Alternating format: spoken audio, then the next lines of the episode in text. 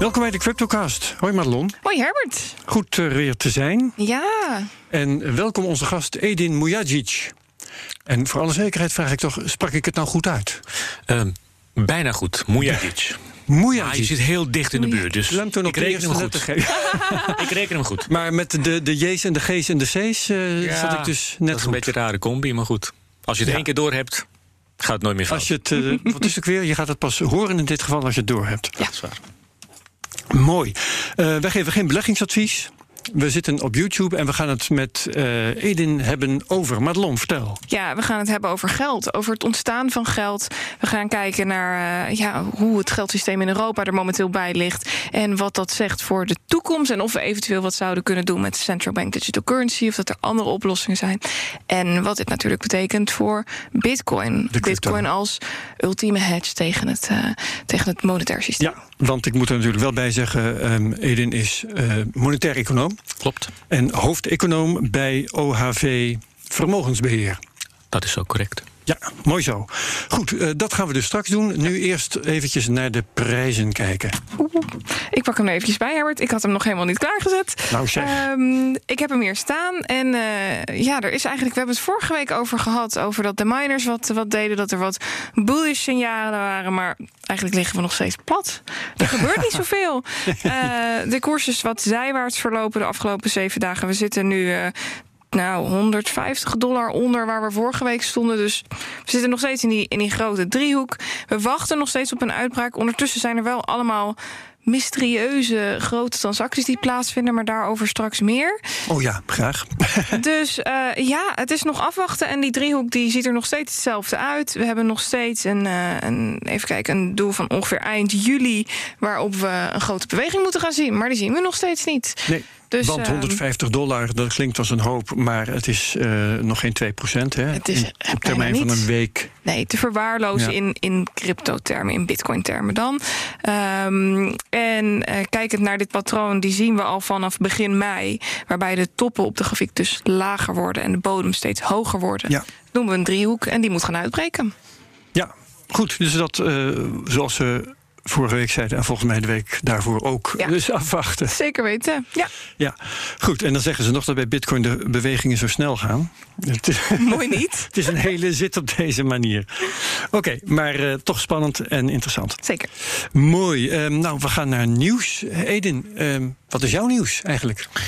Nou, ik, ik wilde ehm, een nieuwtje meenemen wat, wat, wat toch iets te maken heeft met waar we het zo meteen over gaan hebben. En ehm, ik vond het opmerkelijk, er is laatst een ehm, ehm, ondervraging geweest onder mensen die woonachtig zijn in de eh, eurolanden. Over eh, nou, hoeveel vertrouwen heb je nou in de euro eh, en ook hoeveel vertrouwen je hebt in de ECB.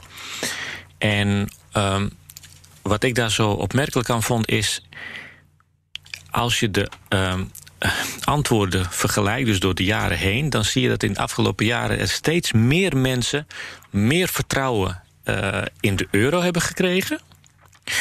Maar dat het vertrouwen in de ECB juist achteruit gaat. En ehm, ik vond dat opmerkelijk omdat een heleboel mensen de neiging hebben om de ECB en de euro samen te zien.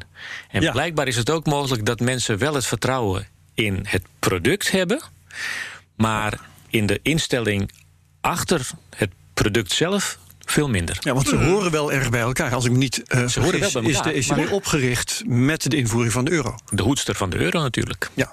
Is het, Dat niet, de ECB. is het niet een beetje vreemd? Want in mijn hoofd eh, gaat dit niet helemaal samen. Ik zou zeggen, de, de, de Europese Centrale Bank staat toch voor het vertrouwen eh, Nou. wat wij hebben in, in een euro. De ECB zou voor vertrouwen moeten staan, inderdaad. En Ja. Dat is waar je als centrale bank op hoopt. Ik bedoel, een heleboel centrale banken hebben heel veel goud. Maar het belangrijkste wat ze hebben is het vertrouwen van jou, van mij en van ons allemaal in die centrale bank. Dus ik kan me heel goed voorstellen dat, dat, eh, ehm, dat men bij de ECB enerzijds blij is, want meer mensen zien de euro zitten. Nou, dat, dat is goed nieuws. Maar ze maken zich daar ook, denk ik, hoop ik wel, Ja. zorgen dat, dat het vertrouwen in de instelling zelf. En waarom? Ehm, alles heeft een reden natuurlijk. Ik denk dat het toch wel uiteindelijk eh, doordringt bij mensen, ook al ben je geen econoom, en eh, dat, dat, dat langdurig de rente op 0% houden en strooien met duizenden miljarden. Ik bedoel, we hebben het over de ECB die tot, um, tot en met eind van dit jaar uh, ongeveer 50.000 euro per seconde aan steun geeft. Dat is anderhalf jaar inkomen van een wow. Nederlander. Je voelt het gewoon ook als een leek aan. Dat kan niet goed zijn. En als het goed zou zijn, dan zou ik meteen de eerste vraag hebben. Waarom hebben, we, waarom hebben we dat niet eerder gedaan? Waarom niet voor 2008? Nou, antwoord is omdat het geen goed beleid is. En steeds meer mensen beginnen dat door te krijgen. Ze begrijpen misschien niet waarom het niet goed is. Ja. Maar ze hebben wel heel goed door dat het niet goed is voor ze. Ja, maar even over dat onderzoek. Hè. Um, misschien heb ik het even gemist, maar welke instantie deed dat onderzoek? Het is uh, zo, uh, zogeheten uh, Eurobarometer. En dat is ja. een onderzoek dat sinds 1999 de invoering van de euro loopt. En elk jaar worden mensen gevraagd van... nou, is een jaarlijks onderzoek. Inderdaad, jaarlijks onderzoek. Dus je kunt die antwoorden ook heel mooi vergelijken. Ja. In loop der en hoe was dat voorheen dan bijvoorbeeld? Nou, je zag bijvoorbeeld dat de ontevreden met de euro tot tot ergens aan 2008, 2009. Nou, dat, dat, dat, dat was er wel, maar mm. echt heel, heel hoog was het niet. Eh, de laatste jaren neemt dat wel toe. En dat is. Ja. Dat mag je opmerkelijk noemen, want wij horen regelmatig juist negatief nieuws van mensen die geen vertrouwen in de euro hebben. Nou, hieruit blijkt dat dat in die hele eurozone dat het echt heel anders zit. Maar wat ik dus echt opmerkelijk vond, is dat dezelfde mensen die zeggen: Nou, ik zie die euro wel zitten en ik heb daar wel vertrouwen in, uh, zeggen, maar de uitgevende instelling, nou, dat ja. weet ik niet. En is dat, want, sorry, is dat wantrouwen dan ook van uh, kort geleden? Uh, ja. Het toeneemt. Ja. Je ja. ziet ook bijvoorbeeld dat als het wantrouwen in de euro zakt, in, in de ECB zakt, zoals mm -hmm. bijvoorbeeld vorig jaar, de, um, dat vertrouwen herstelt weer. En het herstel van vertrouwen in de euro gaat veel sneller dan herstel van vertrouwen in de ECB zelf. Ja. Dus ik, als ik bij de ECB zou zitten, zou ik de, uh, deze resultaten aangrijpen om, om echt bij mezelf, met mijn eigen mensen, even goed te gaan zitten en afvragen. Wat doen wij verkeerd? Want uiteindelijk ben je er als ECB voor die mensen, voor de inwoners van de eurozone. Natuurlijk. En als die dus in toenemende mate zeggen: uh, vertrouw het niet helemaal dat is een reden om je toch één of meerdere vragen te gaan stellen. Ja, Begrijp jij hoe dat kan? Dat, dat er ineens een verschil ontstaat tussen het vertrouwen ja, in de euro en de ECB? Ik, ik, ik, ik begrijp het heel goed. Uh, wat betreft dat wantrouwen uh, of minder vertrouwen in, in, in de ECB. Nou, dat is waar we het daar net over hadden. De mensen voelen gewoon aan 0% rente en duizenden mm -hmm. miljarden strooien. Dat is geen goed beleid. Is dat ook gevraagd in dat onderzoek? Uh, nee. Dat niet. Nee, nee dat is gewoon aankruisen van ja, nee. En dat je dan tegelijkertijd meer vertrouwen in de euro hebt, begrijp ik ook, is, is eigenlijk heel logisch. Je merkt nu dat uh, als het stormt op zee, dan ben je liever op een heel groot schip dan in een heel klein bootje. Mm -hmm. En ik denk dat heel veel mensen denken. Uh, als we nu al die nationale munten hadden gehad, nou, dan was het de situatie waarschijnlijk veel erger geweest. En nu zitten we in dat grote euroschip. En dat is toch meer bestand tegen de stormen. En we weten allemaal dat er heel wat stormen over ons heen uh, razen. Dus het lijkt uh, niet logisch, maar als je daarover doordenkt, uh, denk ik dat het echt voor de hand ligt. Ja. Meer vertrouwen in de euro, ja. minder in de ECB. En dan vraag ik jou als monetair econoom, dan zitten we in die grote boot. Ja. En um, wat gebeurt er nou als die echt in moeilijkheden komt? Dan heb je nergens meer om naartoe te gaan. Dan heb je de Titanic. Ja, dat is wel. Werkt die beeldspraak of is dat allemaal? Dat is wel heel negatief natuurlijk. um, kijk, um, als ik die beeldspraak even doortrek. Um, we zitten wel op een, op, een, op een stevig schip, zeg maar. Maar het is geen stuurloos schip. Wij, wij zitten nog steeds aan het roer. En wij bepalen waar het schip naartoe gaat.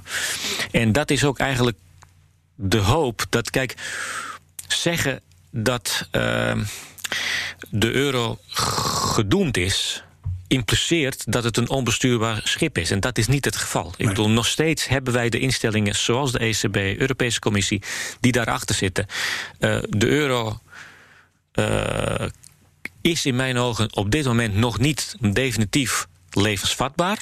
Uh, oh. Maar kan wel levensvatbaar worden gemaakt. Ja, ja, ja oké. Okay. Jij zegt inderdaad ook, ze voeren nu slecht beleid. Nou, daar gaan we het straks meer uitgebreid over hebben. Hè. Dus dit was jouw nieuws. Uh, enquête levert op dat mensen wel de euro vertrouwen, maar de centrale bank wat minder. Oké, okay, Madelon. Ik had nieuws over een um, verplaatsing van uh, een bepaalde hoeveelheid bitcoins. En dat ging over een nogal een groot bedrag. Volgens sommigen gaat het zelfs om de grootste transactie die er ooit heeft plaatsgevonden. En het ging maar liefst over 101.000 bitcoins. Hallo. Wat bijna, uh, even kijken, 931 miljoen dollar aan waarde heeft. en dat is verplaatst naar twee verschillende wallets. Uh, even kijken of ik het zo snel terug kan vinden. Ik zie het hier in het adres. Er is een deel verplaatst naar één wallet waar het gaat om slechts 45 miljoen. En de overige 885 miljoen is naar een andere wallet verplaatst. Dit wordt ook gezien als een wallet die niet afkomstig is van een exchange. Dus het gaat niet om exchange gelden. Uh, er wordt gesproken over dat de winkelvosbordjes er misschien uh, mee te maken hebben. Maar het is wel heel erg interessant dat er ineens zo'n grote hoeveelheid uh, geld ja. aan het rollen is. Maar wie hierachter zit en wat de reden is van de transactie, dat is tot op heden nog niet bekend. Nee, nee, wonderlijk dat iemand besluit van weet je wat, ik ga die bitcoins die hier liggen, ga ik gewoon daar neerleggen. Ja, en, en, en het vreemde is nu ook dat die, die, die grote wallet waar dan nu nog 885 miljoen dollar op staat, dat is nu de tweede grootste wallet. Um, ter wereld. Ter wereld. Er is dus nog één die groter is. Maar um, ja, misschien gaat de toekomst het uitwijzen. En misschien zullen we nooit weten wie nee, achter zat. Nee, nee, nee. Nou ja, oké. Okay. Maar uh, een opmerkelijke transactie dus. Absoluut. Ja. Nou, uh, ik wou het hebben over Telegram. Mm -hmm. Het uh, is nieuws uh, op dit moment dat we, we, dit opnemen 2 juli al wel van een paar dagen geleden. Maar goed, ik vind het het meest uh, opmerkelijke nieuws van de week. Dat Telegram zijn zaak met de Securities and Exchange Commission heeft geschikt. Heeft geregeld over de gram, hè, de coin die ze zouden uitbrengen, mm -hmm. de ICO. Um, ze krijgen een boete van 18,5 miljoen dollar.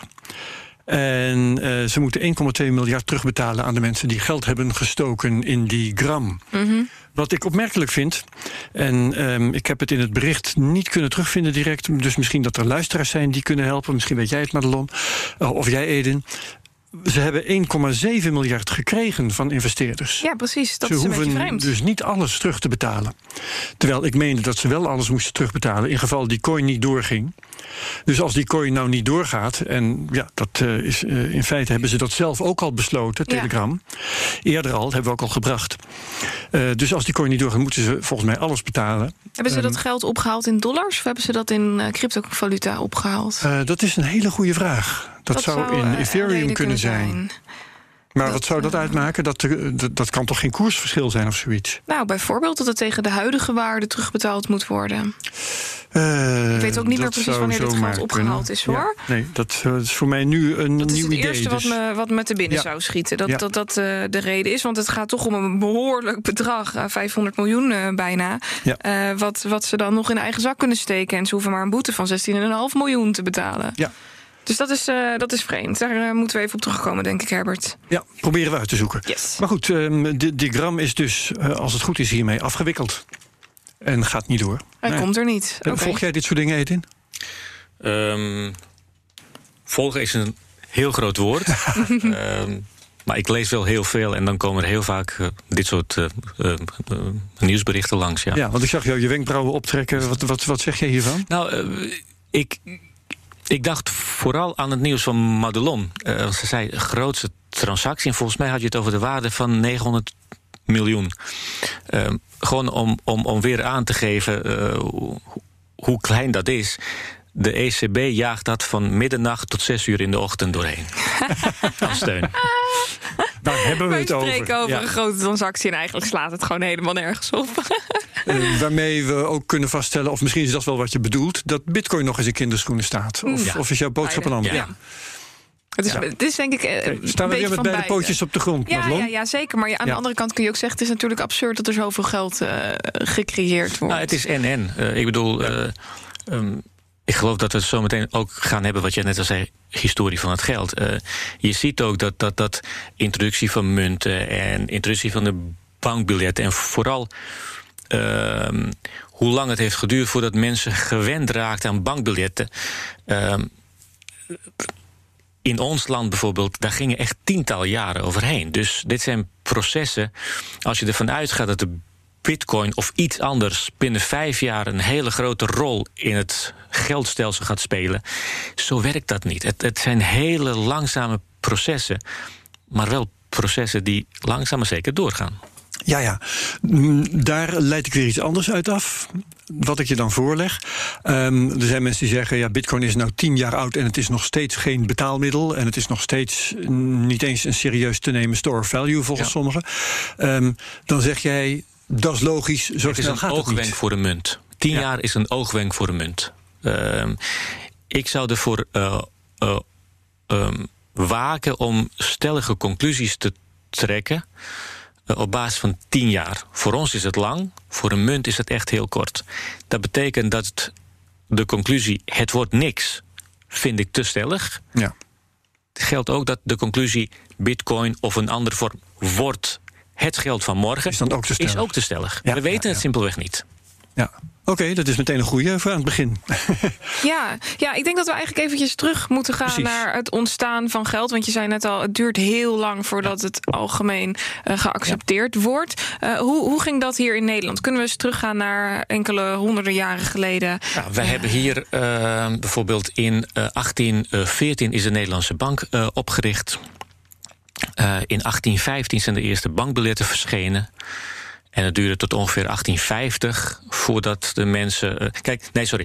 In 1815 de eerste bankbiljetten. En in die eerste jaren was het zo dat als een winkelier in Amsterdam, want het ging met name over Amsterdam toen, die bankbiljet in handen kreeg, die ging. eh, bij wijze van spreken zijn winkel dicht eh, sluiten, ging naar DNB om bankbiljetten in te wisselen voor munt. voor echt geld. Want ja, bankbiljet, dat, dat was onbekend. En dat waren gouden munten? Of? Dat waren gouden munt, dus je kon gewoon inwisselen bij DNB. Dus dat Ehm, papiertje stond garant voor het feit dat jij daar Inderdaad. altijd mee Alleen naar de bank ondanks het feit dat het garant stond, gingen winkeliers toch heel snel wisselen. Want het was nieuw, je wantrouwde het gewoon. Ja. Het duurde echt heel lang, en eh, echt jaren, zo niet tientallen jaren, voordat we eh, met een situatie te maken hadden waarin een winkelier in Amsterdam een bankbiljet kreeg in ruil voor zijn spullen en dacht: het is wel goed zo. Ja, ja, ja. Weet je wat grappig is? Ik herinner me nu ehm, dat ik als klein jongetje ehm, een bankbiljet kon bestuderen. Dan kreeg ik wel eens een tientje in handen van, eh, van mijn ouders of zo. Ja. En daar stonden allerlei teksten op. Heel klein. Ja. En eh, ik herinner me daar de term muntspeciën of munt- of bankbiljetten. Ja. En eh, ja, maar ik zie jou nou raar kijken. Ja, Dat waren dus verschillende muntspeciën. Ik weet niet eens wat ik me daarbij voor moest stellen. Nou, maar dat, dat... betekende dat je, eh, dat je die bankbiljetten kon je altijd inwisselen bij DNB tegen een vaste waarde in goud of zilver. Ja. En dat stond eigenlijk op alle bankbiljetten in Nederland die uitgegeven werden sinds 1815 eh, tot aan de Tweede Wereldoorlog. En daarna zijn de bankbiljetten eh, eh, uitgegeven waarin dat niet meer staat. Dus je kon het, Ja. sindsdien kon je het niet meer inwisselen voor goud. Oh, dat heeft het. met elkaar te maken. Ah. Ja, ja, ja. Maar ik, ik, ik, ik ehm, realiseer me dan ook dat je, je had dus blijkbaar muntspeciën en je had muntbiljetten. Ja. Want hè, die tekst die impliceert dat. En je had bankbiljetten. Het- En ik, ben, ik kom in de verleiding om jou te vragen: wat waren, dat, wat waren dan de verschillen tussen Het was, het was een monetaire chaos, zeker in 1814, 15, 16. Nederland, net onafhankelijk. Allerlei munten hier die eh, gebruikt werden. Guldens, stuivers, provinciale munten, Franse munten, Duitse munten, noem het maar op. Het, eh, en mensen accepteerden dat. Gewoon, het, het maakte in die tijd natuurlijk helemaal niks uit of daar een stempel van Frankrijk of Duitsland stond. Waar het om ging is, is het van echt goud of niet? Ja, Oké. Eh, dus het maakt eigenlijk niet veel uit waar, het- waar een munt vandaan kwam. Ehm, alleen onze koning Willem I, die, zei, die, die kwam hier en zei... Nou, dit is gewoon chaos. En ik hou niet van chaos. Er moet een, eh, eh, eh, wij moeten van die chaos af op het gebied van geld. En toen wa- eh, is er in 1816 vastgesteld voor het eerst... dat de gulden de Nederlandse munt zou worden. Het zou tot 1901 duren voordat de gulden als enige munt zou overblijven in Nederland. in Nederland. Dus Zo. bijna, bijna 100 jaar. Nou, dat was in die tijd natuurlijk. Toen ging alles veel langzaam. Maar het geeft wel aan dat dit soort grote processen. dat gaat niet snel. Nogmaals, de gulden heeft er bijna een eeuw over gedaan. om uiteindelijk de alleenheerser in Nederland te worden. En wat voor munten hadden we dan naast de gulden in Nederland al die tijd? Nou, wat ik net al zei. eh, provinciale munten, gewestelijke munten, munten uit andere landen. Wat tof, dus dan had je ook gewoon een, een Noord-Hollandse munt Ja, ja. bijvoorbeeld. Ja, ja. Wauw, dat kan ik me bijna niet ehm, voorstellen. Vanaf Bijzonder. 18, eh, 1827 zijn langzaam maar zeker één voor één die munten uit omloop gehaald en zijn de guldens in ruil erin gestopt. Dus Wat, wat was de reden daarvoor dat ze dat deden? Om, om die chaos een Of- beetje te nou ja, voorkomen? eh, je kunt je voorstellen, eh, ehm, de prijzen van producten hier in Amsterdam. eh, jij had een winkel en er stonden de prijzen aangegeven in stuivers. Ik had een winkel, dat stond weer eh, aangegeven in een andere. Het, het- het- het was chaotisch. Ja. 1816 hebben we gezegd, weet je wat? Vanaf nu, gulden is onze munt. Eh, onderverdeling van de gulden gaat in 100 cent. Dus niet meer van die rare andere dingen. 100 cent is 1 gulden. En alle prijzen die je als winkelier schrijft, moeten vanaf 1816, vanaf september 1816, luiden in centen en guldens. Nou, die geldelijke hervorming, als het ware, eh, liep dan tegen een aantal praktische problemen aan. Je had muntbiljetten, eh, je had munten zelf. Ehm, eh, dat daar zat een behoorlijk gat tussen, tussen, de waarde van, eh, tussen de grootste waarde van een munt en de laagste van een biljet. Eh, dus bij elke hervorming, als de munten uit de omloop werden gehaald, moest er wel iets in de plaats komen. Want als je alleen maar grote bankbiljetten hebt, dan heb je feitelijk geld, maar niemand kan er iets mee. Nee. Want een jaarinkomen van iemand heb je niet in één dag. Je geeft hem ook niet in één dag uit. En als je met zo'n groot bankbiljet komt, de kans is groot dat de winkelier geen wisselgeld geeft. Dus Ja. om, om, om, om, om, om dat te overbruggen, als het ware, ging bijvoorbeeld de Nederlandse overheid, dus weer wat anders dan de centrale bank, die ging ook geld uitgeven. Alleen dat waren geen bankbiljetten, maar muntbiljetten. Wa- Wacht nog heel even hoor. Want, Het, het is heel ingewikkeld, maar dat geeft aan hoe groot eh, de, De chaos was. De Ja, chaos was toen. want, want Ja, wat ja. ik niet begrijp, waarom zouden ze niet gewoon de prijs uitdrukken in goud? Nou, omdat we toen hebben gezegd... voortaan is de gulden onze nationale munt. Dus eh, dat was de invoering van het geld zoals wij dat nu kennen. Eh, de goudprijs eh, was natuurlijk ook niet vast, schommelde. dat is dus waar. dat maakt het wel heel lastig om elke dag weer de prijzen Bordjes aan aan te te moeten passen. En, en, en waarschijnlijk heeft ook niemand, eh, weet ik veel, eh, in de loop der tijden eh, een brood uitgedrukt in goud. Het was altijd uitgedrukt in munten en die waren van goud. Die waren van Ja, goud. Dat, dat was de koppeling. Ja, inderdaad. Ja. Ehm, dus alles Bijzonder. was erop gericht om, om, om, om, om er een beetje overzichtelijke situatie van te maken. En Dat is gelukt, dat is het goede nieuws. Het slechte nieuws, daar hebben we wel een eeuw over gedaan. Ja, het duurde, het duurde dus ontzettend lang. En, en eh, na de Tweede Wereldoorlog is die koppeling met goud dus losgelaten. Wat was de reden daarvoor? Eh, na de Tweede Wereldoorlog is de koppeling met goud eh, deels niet echt, losgelaten. Want Amerikaanse dollar bleef gekoppeld aan goud. En eh, munten van heel veel landen, waaronder de Nederlandse gulden, die werden vastgekoppeld aan Amerikaanse dollar. Ja. Eh, Waarom? Ehm, dat was eigenlijk. Men ging in 1944 zitten. Men zag, nou, het einde van de Tweede Wereldoorlog nadert. We moeten daarna wel een werkbaar internationaal geldstelsel hebben. Nou, men wist in ieder geval wat ze niet wilden. Vrije, zwevende wisselkoersen, dat was in die tijd iets angstaanjagends. Dat je vandaag niet wist hoeveel jouw geld morgen waard zou zijn. Ja, Dus dat, allemaal drijfzand. dat wilden we allemaal niet. Nee. Geen eh, vrije, zwevende wisselkoers. Wat de, de eh, overheden van toen ook niet wilden, is terugkeer naar de goudstandaard, want dat was veel te rigide. Eh, goudstandaard heeft als een groot voordeel eh, eh, eh, dat het discipline oplegt aan de overheden. Je kunt niet boven je stand leven. Nou, dat vond men toch niet zo heel fijn. Dus ze wisten heel goed wat ze niet wilden. Ene extreme terug naar de goudstandaard en andere zwevende wisselkoersen. Nou, koppeling van dollar aan goud en koppeling van andere munten aan dollar is een compromis tussen die twee. Heb je die stabiliteit die je wilt, namelijk de vaste koers van dollar tegen goud Ja. en de wisselkoersen van andere munten tegenover de dollar. Maar toch zonder de rigiditeit, want je kon die koersen altijd in overleg aanpassen. Nou, nou begrijp ik opeens, en uh, dat is laat, maar beter laat dan nooit, waarom uh, het zo'n uh, zo'n grote stap was voor de wereld dat Amerika in, wat was het, 1971 of zo? 15 augustus 1971, 9 ja, die gouden standaard losliet. Ja. Want daarmee lieten ze de gouden standaard los voor iedereen. Ja. ja. Dat was hun bevoegdheid, omdat de dollar dat, de enige koppeling kijk, was. Waar die afspraak uit 1944 echt gemaakt met, met 44 landen bij elkaar, ja. is, de, is het loslaten van de koppeling tussen goud en de dollar. Uh, aangekondigd op 15 augustus 71 door de Amerikaanse president Nixon om 9 uur s avonds.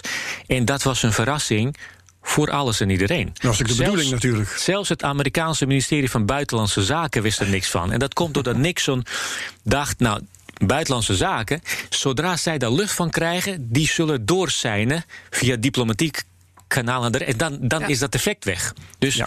um, uh, dat was wel het moment uh, waarop wij mondiaal gezien voor het eerst naar fiat geldstelsel zijn gegaan. Dus fiat geldstelsel is geldstelsel waarbij de waarde van het geld niet gedekt is door iets wat je vast kunt pakken, mm -hmm. maar louter door het vertrouwen in uitgevende instellingen. Daarom vond ik dat nieuws waar we het over hadden zo opmerkelijk. Want vertrouwen is de hoeksteen van het fiat geldstelsel. Ja, precies. En dat is dus nu langzaamaan aan en het wegzijden. brokkelt langzaam maar zeker af. En zoals voor alles geldt ook daarvoor, alles heeft een reden. En het is mijn overtuiging dat de reden voor het afbrokkelende vertrouwen is dat de centrale banken veel te lang onverantwoord beleid voeren. En steeds meer mensen komen daar langzaam maar zeker achter. De, de, jij schetst net het beeld dat in, in 1945 dus uh, die koppeling uh, met de, de dollar uh, er nog steeds gebleven is. Maar als we dan even kijken naar de reden daarvoor. Ja. waarom is er uiteindelijk besloten om, om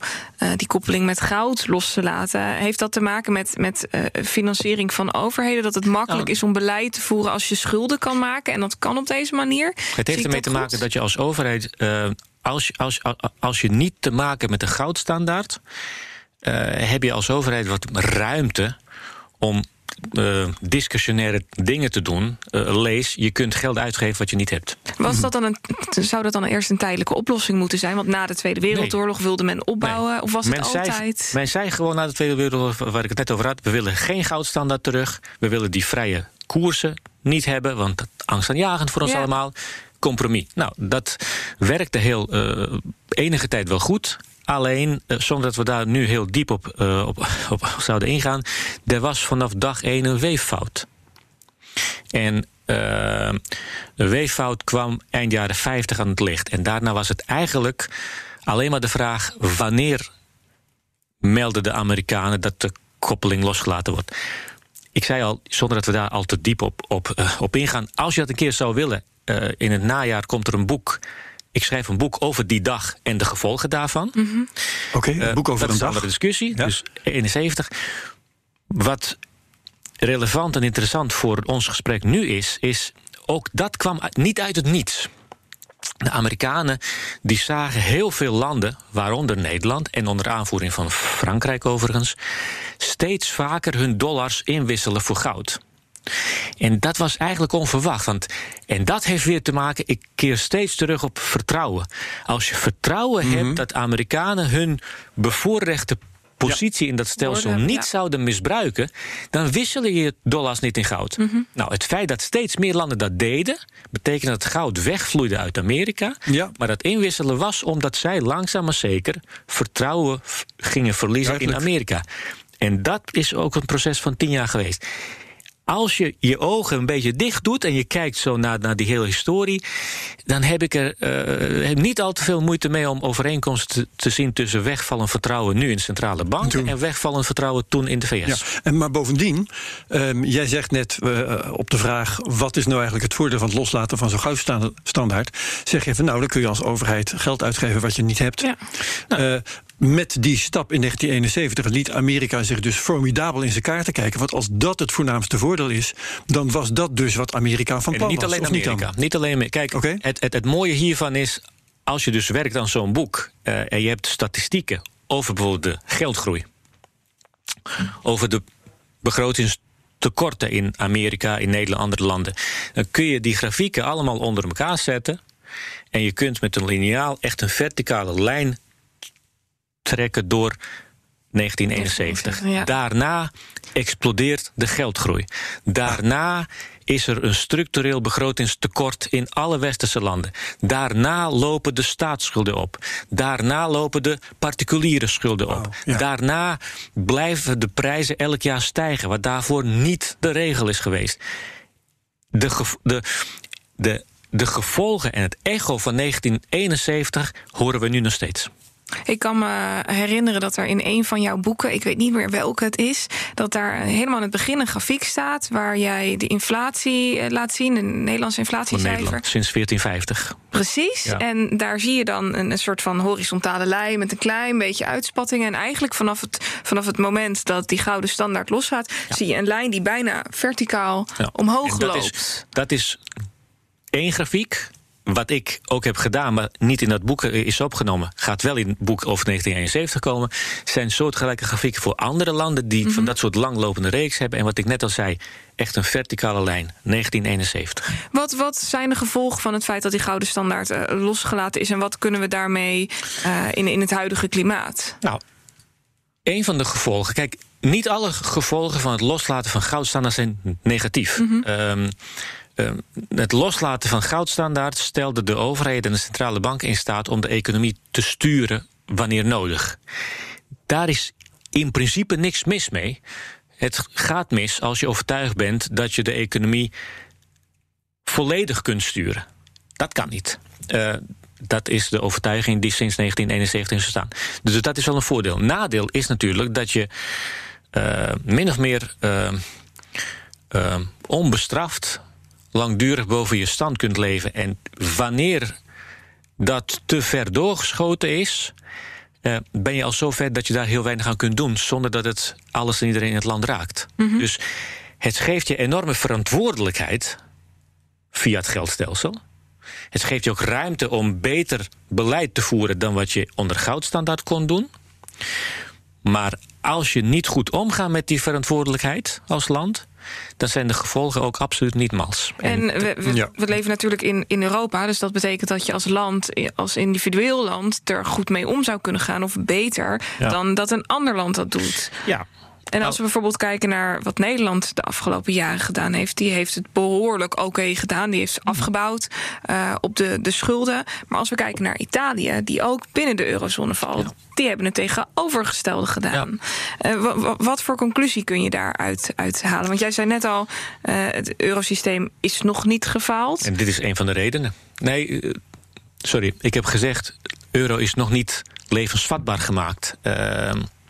En Het is nog niet een- geslaagd. Het Het is nog niet tegenovergestelde. En, en, en, en dit is een van de redenen. Kijk, als je met andere landen een munt gaat, gaat, ga- gaat eh, eh, invoeren, dat is te vergelijken met als je met andere mensen samen gaat wonen en je zegt wij voegen onze portemonnees bij elkaar.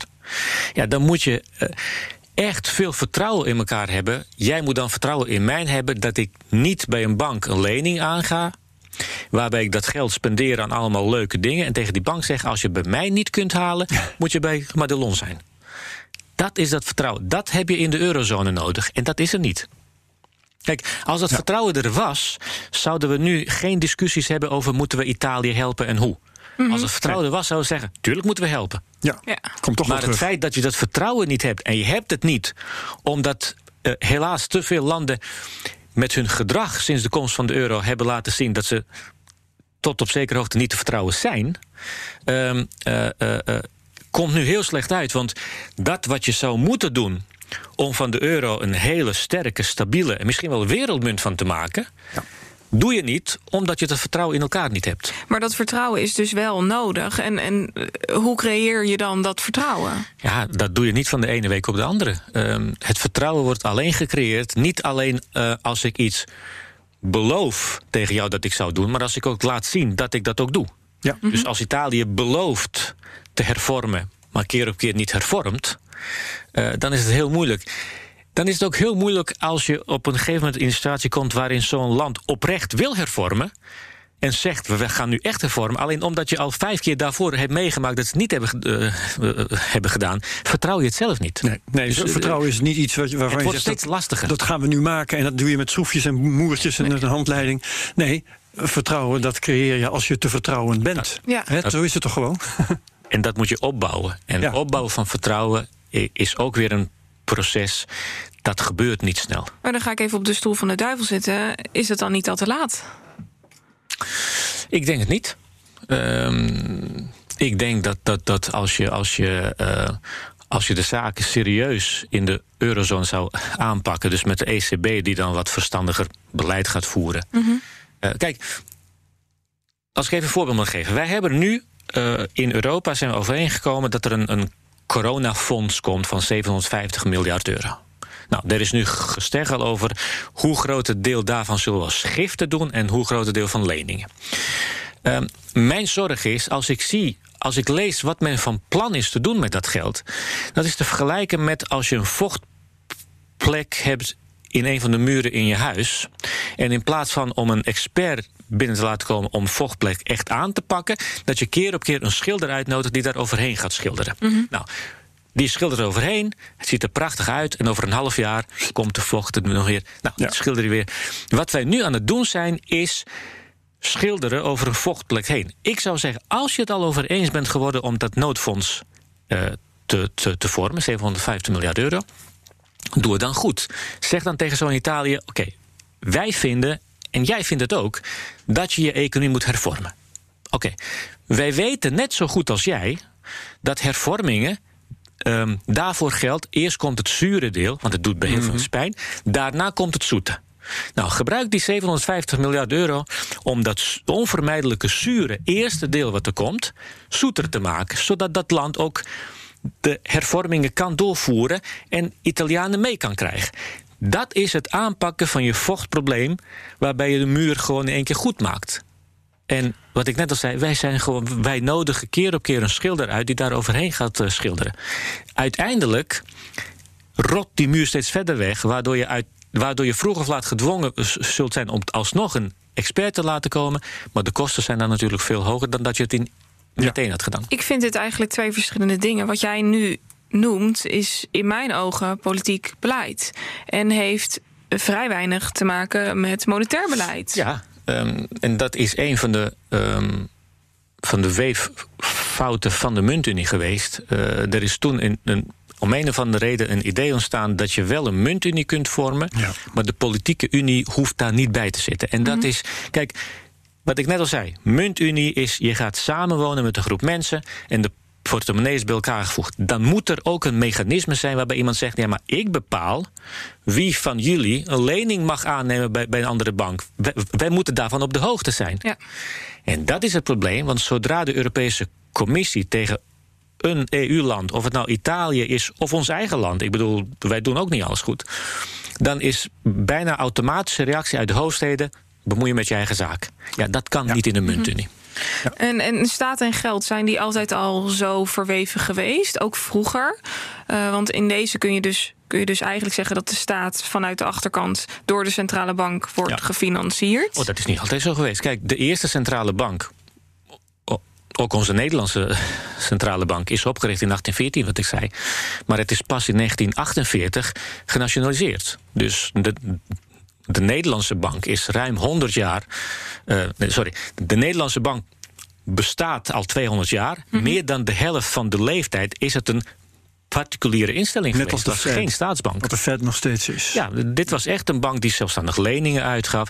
Pas in 48 heeft de staat gezegd: wij nationaliseren. Dus centrale banken van nu en de centrale banken van destijds, die hebben dezelfde naam, maar het zijn echt appels en peren. Oké. Okay. Het waren niet altijd staatsbanken. En acht Juist niet. Vind, vind je het nodig dat, er een, een, dat het met elkaar verweven is? Moet dat om een munt te laten slagen? Nou ja, uiteindelijk, uh, als je geld gebruikt, welk geld dan ook, uh, wil je het, het, het vertrouwen hebben dat andere mensen het geld uh, uh, zullen accepteren als je dingen gaat kopen. Ja. Mhm. Uh, en dat er ook iemand is die uh, controleert of, of er geen leaders zijn die namaakgeld gaan maken. Want daardoor wordt ook jouw geld veel minder waard. Eh, dus ik kan me heel goed voorstellen dat, dat, dat, dat zoiets belangrijks als geld een centrale instelling nodig heeft die gewoon de regels vaststelt en de regels afdwingt. En als de mensen zich daar niet aan houden, daar boetes en straffen oplegt. En als we voor dat iemand dan een protocol uh, neerzetten. Dat kan gaan werken. Ik ga richting Bitcoin Ja, nu. nee, je merkt het al een beetje. tuurlijk. Dat, dat zou een mogelijkheid zijn, ook al zit daar geen staat achter. Ehm, het- kijk, eh, ik zeg, en heel veel mensen zeggen... je moet zo'n centrale instelling hebben. Maar de reden waarom je dat zegt is omdat we gewend zijn... dat er een fysieke instelling ergens achter zit. Ja. Eh, dat is altijd zo geweest, maar dat betekent niet dat het altijd zo moet zijn. Maar dat, nou wordt het heel interessant, want je hebt net Oh, hiervoor niet dus. Nee, Heel, interessant. Nog verder interessanter. nee, ehm, want jij hebt net uitgelegd, eh, het is. eh, in Europa is het best wel een probleem dat eh, er een monetair beleid is dat voor heel Europa geldt. ehm, terwijl het politiek beleid door de landen, Ja. eh, eh, hoe heet het ook weer, eh, autonoom kan worden Ja. vastgesteld. soeverein is het woord. Ehm, wanneer je een munt zou hebben die wordt gereguleerd door een neutraal protocol dat overal hetzelfde is. Ja. En je hebt nog steeds landen die hun eigen politieke beleid. Wat, wat krijg je dan? Dat kan ik me Nou, niet eens voorstellen. kijk, wij doen nu, en dat, dat, dat is ook logisch, alsof het iets nieuws zou zijn. Maar in feite is het weer een voorbeeld van wat, wat er heel vaak wordt, wordt gezegd. Geschiedenis herhaalt zich niet, maar rijmt wel heel vaak. ja. Zoiets decentraals hadden we natuurlijk onder de goudstandaard. Dat was goud. Oké. Wat ik net al zei. Ja, ja. Het maakte in 1815 echt niet uit wat voor gouden munt eh, er hier was in Nederland. Of een Franse of een Belgische. eh, als Oké, het maar, van goud was. dan snap ik de conclusie ook. ehm, dat, dan krijg je de situatie weer terug dat overheden geen geld meer kunnen uitgeven dat ze niet hebben. Ja. ja. Mooi, dan zijn we klaar. En, en, mijn punt als macro-econoom, en dat is waarom ik dat jaar a- 1971 zo belangrijk vind... en waarom ik zeg, de gevolgen van dat besluit... het was een toespraak van de Amerikaanse president van 18 minuten en 8 seconden. Nou, dat waren 18 minuten en 8 seconden die de wereld voorgoed veranderd hebben... en blijven veranderen. Je merkt het nu nog steeds. En een van de belangrijkste veranderingen is... vanaf dat moment konden de landen, overheden, soevereine eh, landen... boven hun stand leven. Ja, maar dat is niet het enige, denk ik.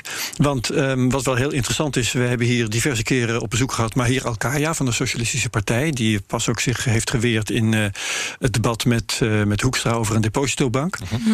En eh, waarvan dan wordt gezegd door eh, allerlei eh, mensen die het beter begrijpen dan ik, dat hij een van de weinigen is die, die, die, die zich er echt in verdiept. Geldt ook voor crypto trouwens. En hij zegt: ehm, Ik ben niet zo voor eh, die Bitcoin. En ik vind het best handig eh, als, eh, als ehm, eh, ik wat geld kan bijdrukken, zo nu en dan. En, en aan de knoppen van de inflatie kan zitten. Want voor mij als socialist, zegt hij dan, is dat wel een handig instrument Ja. om inkomen te herverdelen, bijvoorbeeld. Kijk, dat is nou precies waar ik, waar ik het hiervoor over had. Via het geldstelsel geeft je als overheid de ruimte om de economie bij te sturen. Ja. Daar is niks mis mee, want er zijn gevallen denkbaar waarin het bijsturen nodig is. Als het economisch heel Ja. slecht gaat. Het gaat En als je geen socialist bent, dan kan het een ander doel zijn, Het- bijvoorbeeld. eh, inderdaad. Ja. Maar het gaat fout als je dat onder dat bijsturen, als je die definitie zodanig verruimt, dat je eigenlijk, als je bijsturen zegt, dat je het eigenlijk hebt over bepalen en echt sturen. Ja. En dat je dus echt zegt, nou, ik kan inflatie regelen dat, dat die over drie jaar 4% is en over zes jaar 3% is. Zo werkt het niet. Economie is veel te complex om het zo, zo mooi te kunnen aansturen. Maar dat is wel wat, Je zij, moet- wat, ze, wat, ze, wat ze proberen in ieder geval. Wat, ja, wat, wat maar dat is ook een Welke ze? zwakte. Sorry? Want het de zou centrale bank. Oh, het, eh, ehm, het zou voor iedereen, inclusief dat geldstelsel, via het geldstelsel goed zijn als ook de overheden hun beperkingen zouden kennen.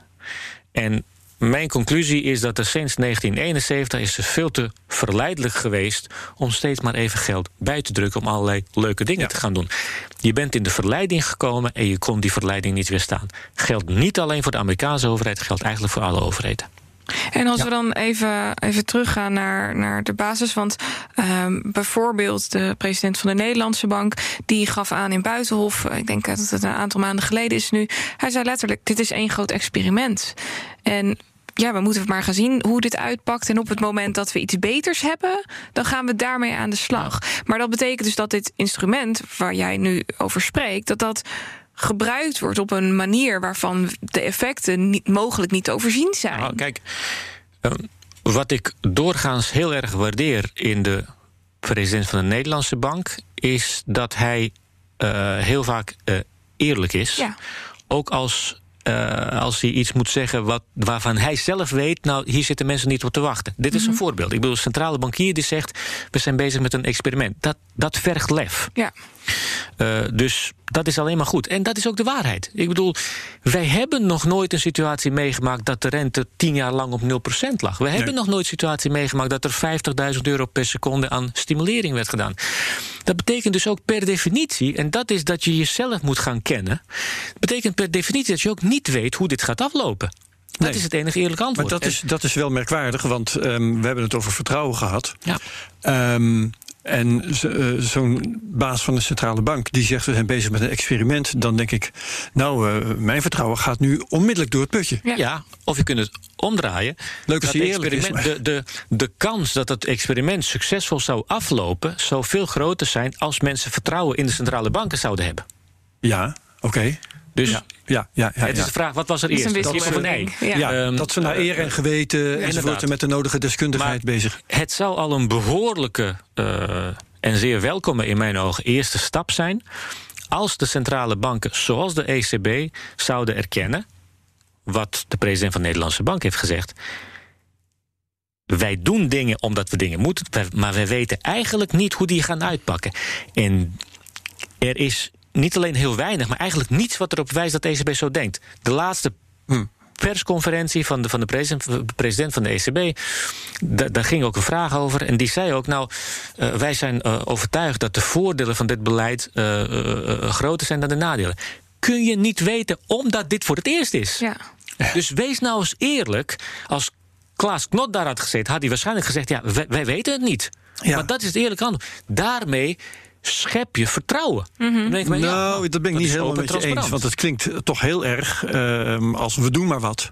Hè, als je niet eens weet of de kans groter is dat het, dat het goed afloopt dan dat het slecht afloopt. Ja, nee, maar Jemig. eens. Eens, ik ben het wel met je eens. Alleen als je aan de mensen uitlegt... Wij, dit is voor het eerst dat we zoiets meemaken. Wij proberen daar het beste van te maken. Ja. We weten niet hoe het uitpakt, maar we kijken wel... als het de verkeerde kant op dreigt te gaan... sturen we bij. In de zin van, dan, dan, dan gaan we wat minder steun geven. Oké, ja, ja. Dat is voor de ECB niet, niet eens een optie. Hm.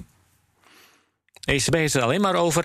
gaan we de huidige mate van stimulering in stand houden... of wordt het meer? Wat, wat zou er volgens jou moeten gebeuren? Dat is een hele makkelijke vraag om te stellen. En een Hele onmogelijke moeilijk vraag om hem te beantwoorden. om daar Ja. antwoord op te geven. Nou, het- wat ik net al zei. eh, een welkome eerste stap zou zijn dat je ook een beetje nederig wordt en erkent dat, je, dat, dat jij ook niet alwetend bent of almachtig bent. Je, dat je weet, ik kan niet alles sturen en ik weet niet alles.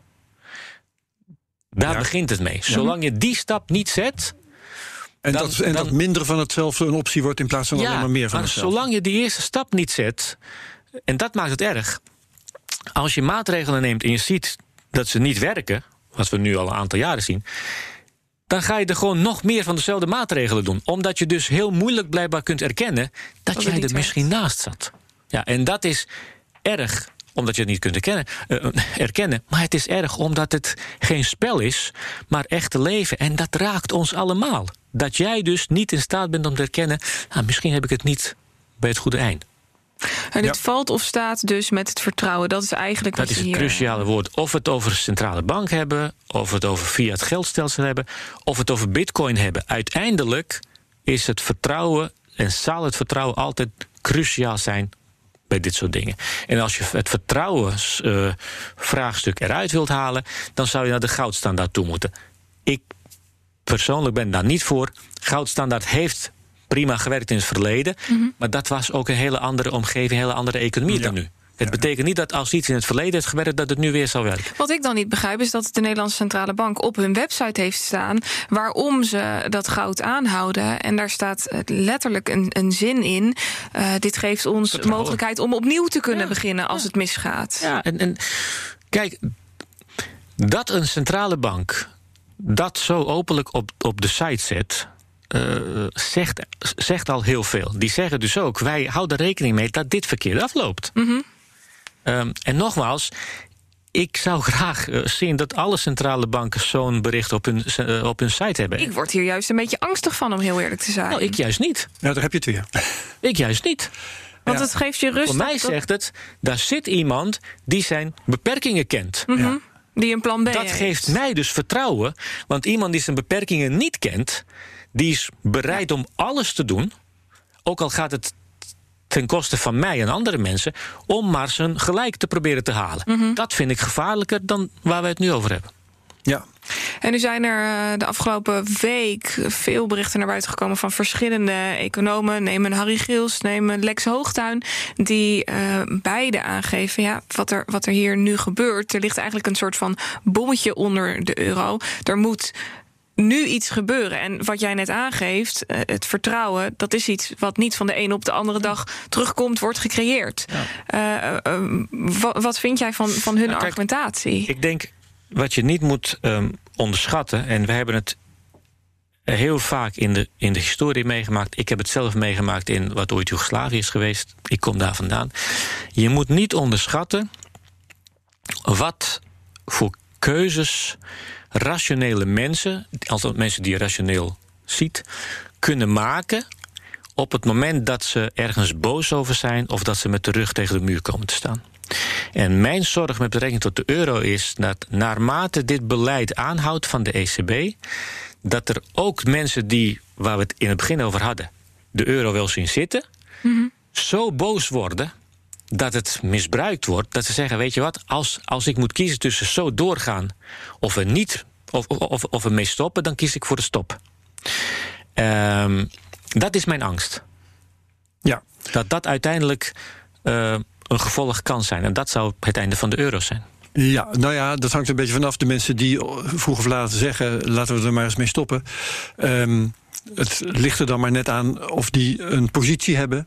Nou ja, dat ze daar invloed op hebben. Ja, ja want dat de man wij allemaal. heeft dat niet. Nou ja, ja. Wij mogen eens vier, uh, vier jaar stemmen. Ja. Als de ontevredenheid en boosheid het overneemt, nou, de dan kom je bij wat heel vaak wordt gezegd: angst is een hele slechte raadgever. Ja. En dat is mijn angst. Dat de angst inderdaad. Uh, uh, of de, de, de, de boosheid. Uh, dominante emotie gaat worden. Waardoor je keuzes gaat maken. En waardoor dus diezelfde mensen die nu nog zeggen: Ik zie wel iets zitten in de euro. Ik zie dat concept, dat, dat, dat omarm ik. En toch wil ik ermee stoppen omdat het misbruikt wordt. Ja. Hoe ging dat uh, destijds in Joegoslavië? Ja, dat is, dat is natuurlijk niet te vergelijken met, met, niet, met nu. Maar uh, tot op zekere hoogte wel. Want wat. kijk, als je tegen mensen zegt Joegoslavië, denkt iedereen aan oorlog. En die mensen vochten altijd met elkaar. En Mhm. dat is uit het niets gekomen. Nou, dat is niet uit het niets gekomen. De oorlog was het sluitstuk uh, van een proces waarbij de problemen veel eerder zijn gestart. En het probleem in Joegoslavië is gestart met een financieel probleem. Namelijk het rijke noordelijke deel van Joegoslavië. Dat want Joegoslavië was wel een politieke unie. Dus hadden we ook een transferunie. waarbij gelden uit de rijke delen. via federale begroting. Uh, overgeheveld werden naar de arme delen van het land. Nou, dat gebeurde tientallen jaren.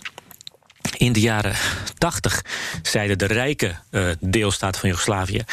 Ja, we willen hier, hier niet mee stoppen, maar we stimuleren al 30 jaar en er gebeurt daar niks. Ja. Arm blijft arm. Mm-hmm. Dus kunnen we het alsjeblieft nu van. hervormen. Ja. Niemand had het erover dat er geen geld meer zou gaan van rijk naar arm. Maar dat het gewoon anders ingezet moet worden. Omdat de ervaring liet zien, wat we tot nu toe hebben gedaan, werkt niet. Nou, problemen zijn ontstaan toen het arme deel zei... ho, ho wij willen daar niet eens over praten... want we willen dat dat geld blijft mm-hmm. vloeien. En toen na en, enkele jaren, want ook dit is weer iets wat niet van de ene week op de andere gebeurt, ja. zeiden de, de rijke deelstaten. Nou, als het niet anders kan, dan stoppen we er gewoon mee. Terwijl ze in principe daar niet op uit waren. Klinkt wel een Dus beetje als het Noord-Zuid verhaal het- in Europa. Dat is, mijn, dat is mijn zorg. De overeenkomst en de les is dus, dus voor, voor ons. Ga die muur niet overschilderen, maar pak het probleem aan. Want voordat je het weet, wordt het probleem zodanig groot dat je allerlei andere bijeffecten krijgt waar je niemand op zit te wachten. Ja. We moeten langzamerhand naar een, naar een afronding. Ja. En eh, ik wil eigenlijk nog twee dingen vragen. Eén is, ehm, je zegt je wilt niet naar die gouden standaard terug. Eh, je hebt ook gezegd, bitcoin eh, is eigenlijk een soort gouden standaard. Zou, zou dat worden als je er de hele economie op zou neerzetten? Wat voor rol zie jij dan voor, eh, laat ik het vragen over bitcoin eh, in de toekomst? Wat, wat voor rol kan Kijk. zoiets spelen? Ik denk als, als, als je daar een antwoord op geeft, is het antwoord per definitie subjectief. Ja. Eh, wat je er zelf van vindt, zie je daar wel iets in. Eh, ik neem aan dat de luisteraar daar niet echt geïnteresseerd is in wat ik ervan vind. Eh, wat veel Maar jij zit hier nu. belangrijker is en wat objectiever is, is dat je de relevante lessen uit de historie haalt. En dan zie je dat elk tijdperk in de economie heeft een eigen geldstelsel. Eh, wat bedoel ik daarmee? Na de eerste industriële revolutie. eh, dat betekende dat handel onderling, ook over verre afstanden, ineens veel makkelijker, goedkoper werd. Eh, slepen met zakken vol met munten was onhandig. Die industriële revolutie leidde uiteindelijk tot de introductie van bankbiljetten, want dat was makkelijker. Wij zitten nu volgens heel veel mensen in de vierde revolutie. Kunstmatige intelligentie, nanotechnologie. Ik kan mij, en nogmaals, dat is op basis van historie. Ik kan me heel goed voorstellen dat het geldstelsel wat we al tientallen jaren hebben, niet past bij die vierde industriële revolutie. En dat die nieuwe omgeving, nieuwe economische omgeving, een eigen geldstelsel nodig zal hebben. En dat kan, hoeft niet, maar dat kan in de richting van digitaal geld gaan. Ja, ja, ja. En als Ik je zou dan- niet zeggen van het is onmogelijk. Nee, precies. En als je dan inkomen wilt her- herverdelen zoals Mahir Alkaya... dan kun je dat altijd nog op een andere Kun manier je op, doen. kun je op een andere manier Ja. doen. Andere vraag die ik nog heb is... volgende week gaan we het hebben over Modern Monetary Theory. Ja. En eh, daar hebben we Han de Jong voor. Die is ex-hoofdeconoom bij ABN AMRO. Mm, eigenlijk wil ik, eh, zo kort als je het kunt zeggen... weten wat jij daarvan vindt. Dat is die theorie die zegt... een overheid kan rustig eh, bijdrukken, Ja. geld drukken wat ze willen. Daar kunnen ze alles mee betalen. Ja. En dat maakt eigenlijk al, allemaal niet uit... zolang ehm, al dat geld dat je er in de economie pompt... maar uitgegeven kan worden aan producten die te koop zijn. Ja, eh, nou, eh, heel kort. Eh, ik zie niet in wat er modern aan is, want dit gebeurt al heel lang. Eh, met monetair heeft het heel weinig te maken. Het is echt een politieke keuze.